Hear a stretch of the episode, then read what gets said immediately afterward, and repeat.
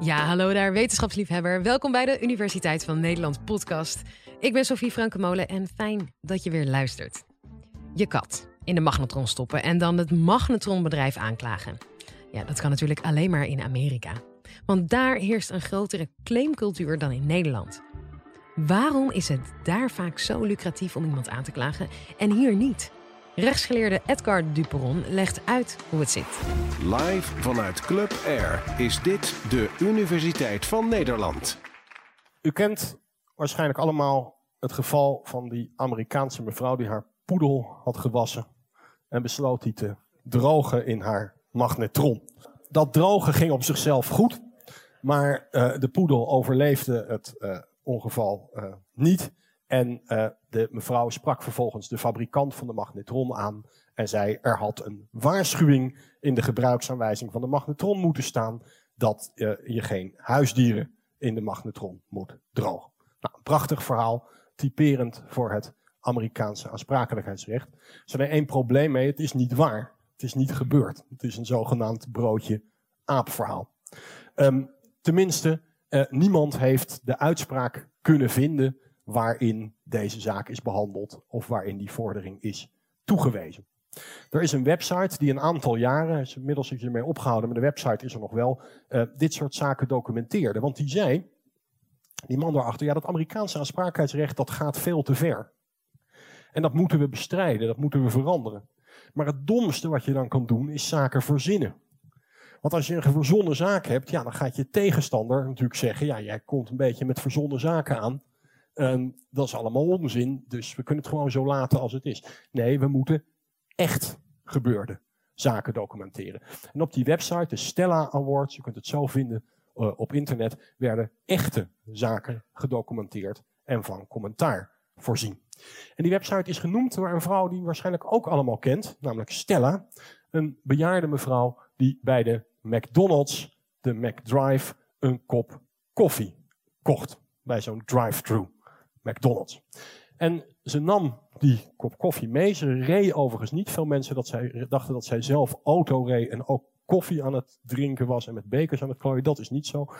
Um, haar kleinzoon, geloof ik, reed. Zij zat naast hem op de passagiersstoel. Zij nam die beker koffie, um, wilde daar melk en suiker in doen. Die kleinzoon stopte daartoe de auto. Zij zette die beker zo tussen haar benen. Ja, ze zat wat lager dan ik, maar dat kan ik niet meer. En ze trok zo, heel dom natuurlijk, die beker open. Nou, wat gebeurde er? Die beker viel om met die hete koffie en die kwam op een plek waar je geen hete koffie wilt hebben. En dan had ze ook nog van die sweatpants aan, dus die werden helemaal doordrenkt met die koffie. Uh, dus dat leidde tot allerlei nare brandwonden. Brandwonden waarvoor uiteindelijk de jury uh, haar een schadevergoeding toekende van, ik geloof, 2,4 miljoen dollar. Overigens door de rechter vervolgens teruggebracht tot, bracht tot een veel lager bedrag. Uh, toen is er hoger beroep ingesteld. Partijen zijn gaan onderhandelen en de schikking die daaruit is gekomen is geheim. Dus we weten niet wat ze uiteindelijk heeft gekregen. Nou, um, de vraag is natuurlijk, ja, is dat nu een uitwas van het Amerikaanse systeem? Op het eerste gezicht zou je zeggen wel. Maar er zijn toch wel argumenten aan te voeren waarom die claim van die mevrouw niet zo heel gek was. Um, een van de uh, argumenten is dat die koffie die werd heel heet geserveerd door McDonald's. Op um, nou, ongeveer 80, 85 graden Celsius.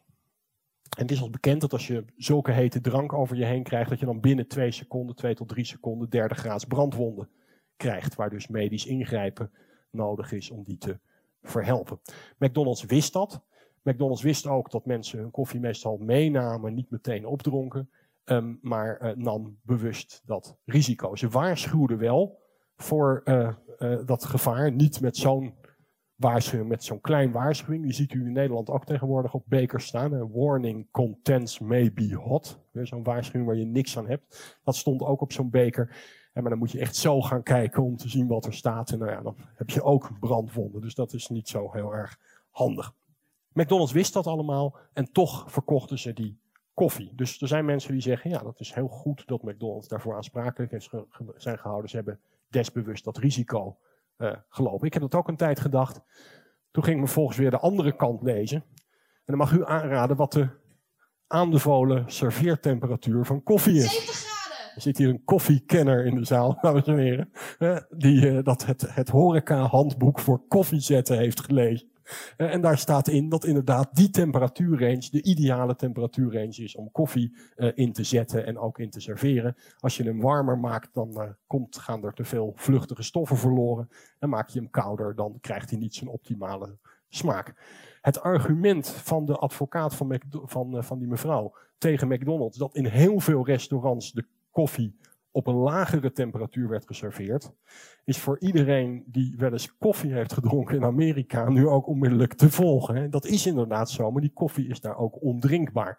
Nou, eh, de vraag is, mag je nou, eh, moet je nou eisen dat McDonald's dan ook maar ondrinkbare koffie serveert, omdat klanten er gekke dingen mee gaan doen? Eh, of moet je zeggen, nee, je mag koffie serveren op een temperatuur waarop hij in het begin nog niet drinkbaar is. En dat moeten klanten maar beseffen. Nou, dat was het probleem dat in die zaak speelde. Maar je kunt op die Stella Awards heel veel van dat soort zaken ehm, vinden.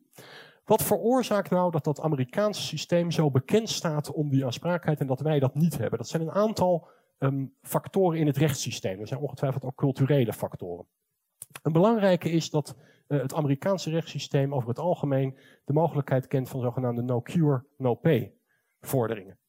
Vorderingen waarin je een advocaat inhuurt en waarvan die advocaat zegt: Ik laat mij niet betalen, maar als ik win, dan laat ik mij wel betalen. Dat betekent dat het risico dat je het proces verliest, verschuift van degene die de vordering instelt naar de advocaat. En als je een lastige claim hebt, je bent besmet door jouw werkgever, kerncentrale, je wil een claim instellen en je weet dat het een ontzettend lastig verhaal wordt. En die advocaat zegt, ja goed, maar als we winnen, dan komt er een gigantische schadevergoeding. Ik ben wel bereid dat risico te nemen. Er zijn ook bedrijven die dat dan vervolgens weer financieren. Dan wordt het makkelijker om dergelijke claims in te stellen. Dat is een argument dat in Nederland op dit moment ook heel erg opgeld aan het doen is. Er wordt steeds meer bezuinigd op rechtshulp, dus de toegang tot het recht wordt lastiger. En dan is dit een mogelijkheid, althans dat wordt door sommige politici als een mogelijkheid gezien, om de toegang tot het recht weer te vergroten en om met name consumenten meer macht te, te geven. Dus je hoeft je advocaat niet direct zelf te betalen, je betaalt hem alleen als hij wint. Nou, daar komt dan in Amerika nog iets bij, namelijk dat je ook met die advocaat mag afspreken dat als hij dan wint, dat hij dan niet gewoon een uurtarief krijgt met nog een opslag voor dat risico, maar dat hij een deel van het toegewezen bedrag krijgt. Bijvoorbeeld 20 of 30 procent van de toegewezen claim. Nou, dat kan natuurlijk echt in de miljoenen lopen en dat doet het ook regelmatig. Dus eh, voor Amerikaanse advocaten is dat gewoon business. Nou, vervolgens zijn de schadevergoedingen in Amerika over het algemeen veel hoger dan in Nederland. Ik zeg de hele tijd in Amerika, dat is natuurlijk een grove, behoefte, heel veel nuancering. Eh, want het Amerikaanse recht bestaat niet zoals u weet. Iedere staat heeft zijn eigen recht en dan is er ook nog federaal recht. Dus een soort algemeen beeld. Als je het echt wil weten, moet je natuurlijk van staat tot staat kijken. Maar over het algemeen kan je zeggen dat het Amerikaanse recht ehm, ruimhartiger is met het toekennen van die immateriële schadevergoeding. Ik heb gezegd in Nederland het hoogste bedrag dat tot nu toe is toegewezen, voor zover ik weet, eh, eh 150 1000 euro voor iemand die volledig invalide was. Daarvoor is het jarenlang geweest iemand die bij een ongeluk in een ziekenhuis met aids besmet is en nog maar een paar maanden te leven had. Die heeft eh, omgerekend naar huidig eh, ook zoiets van 150.000 eh, euro gekregen. In Amerika krijg je voor veel minder erg, letsel, krijg je als schadevergoedingen die in de miljoenen kunnen lopen. Dus die bedragen zijn veel en veel hoger. Daarnaast kent het Amerikaanse recht nog de mogelijkheid van de zogenaamde punitive damages, schadevergoeding die bedoeld is als straf. Bedoeld is om de dader um, te straffen voor zijn slechte gedrag. Um, een voorbeeld daarvan is een zaak uh, tegen BMW. Hij heette BMW tegen Gore. Ik heb net gedacht dat het die vicepresident was, maar het was gewoon iemand anders. Uh, die was tegen BMW aan het procederen, want hij had een nieuwe auto van BMW gekocht. Maar toen bleek dat die auto helemaal niet nieuw was. Die hadden, had lichte beschadigingen gehad, een paar procent. Die werden dan hersteld en die werden als nieuw verkocht. En dat vond deze man uh, heel naar. Dus die kreeg enkele duizenden dollars aan materiële schadevergoeding. En vervolgens werd er meer dan 2 miljoen dollar uh, toegewezen aan zogenaamde punitive damages. Ook in die zaak van Stella tegen McDonald's was een groot deel van die schadevergoeding was punitive damages. Dat bedrag was gebaseerd op twee keer de dagomzet in koffie van McDonald's in heel Amerika. Op die manier had de jury dat uh, vastgesteld. Nou, um, dat zijn omvangrijke bedragen. Wat je meestal niet leest in Nederlandse kranten, is dat dat of de vordering, en dan wordt er gezegd er is zoveel gevorderd, maar helemaal niet wat er is toegewezen. Nou, gek kan alles vragen, zoals u weet. Um, zie je ook bij strafprocessen, staat er uh, eh, 15 jaar voor dit of dat. En als je het dan leest, staat er dat het Openbaar Ministerie dat heeft geëist. Ja, of dat ooit wordt toegewezen, dat, dat lees je eigenlijk meestal niet. Nou, zo is het met die vorderingen ook. Vervolgens, als er een toewijzing is, dat is meegevallen door een jury. En juries kan, een goede advocaat heel boos maken. En als die jury heel verontwaardigd is over iets, dan zijn ze geneigd om hele grote schadevergoedingen toe te kennen. Dat is wat er in die BMW-zaak ongetwijfeld is uh, gebeurd. Maar daarachter zit dan vaak een rechter die dat bedrag weer terugbrengt naar normale proporties. Althans, voor Amerikaanse begrippen normaal, voor ons nog steeds heel uh, hoog. Dat lees je niet in de krant er allemaal bij, want dan is het geen nieuws meer. Hè. Dus we, we hebben een wat overtrokken beeld van het Amerikaanse recht, hoewel het nog steeds veel en veel ruimhartiger is in het toekennen van schadevergoeding. En met name die advocaten die hebben een booming business, want die krijgen als ze zo'n contingency fee hebben, dus een deel van het schadebedrag krijgen, krijgen ze ook een deel van die punitive damages en uh, waarschijnlijk ook uh, van die immateriële schade. Dan krijg je dus uh, advertenties van advocaten. Ja, deze zit er eigenlijk meer bij om te laten zien in welke sfeer men daar opereert. Hè. Life's short, get a divorce. Uh, maar dit, dit is een mooi voorbeeld. Hij hurt in een accident, 1-800 hurt. En dan ook nog 9-11. Um, en het, het, aardige is hier van 911, dus eigenlijk het noodnummer in Amerika. Dit zijn nummers die helemaal niet van advocaten zelf zijn. Maar die zijn weer van bedrijven. Die hebben dus bedacht van ja, maar dit nummer onthoud je. U, dit nummer, als u even ernaar kijkt, vergeet u zelf ook nooit meer. Ja, als dat dit uh, eh, 1-800 is gewoon wat ons hier 0900 is. En dan Hurt en dan het alarmnummer. Nou, dat is een prachtige. Dus dat heeft iemand geregistreerd. En die verkoopt het recht om dat nummer te gebruiken vervolgens aan advocaten in iedere jurisdictie.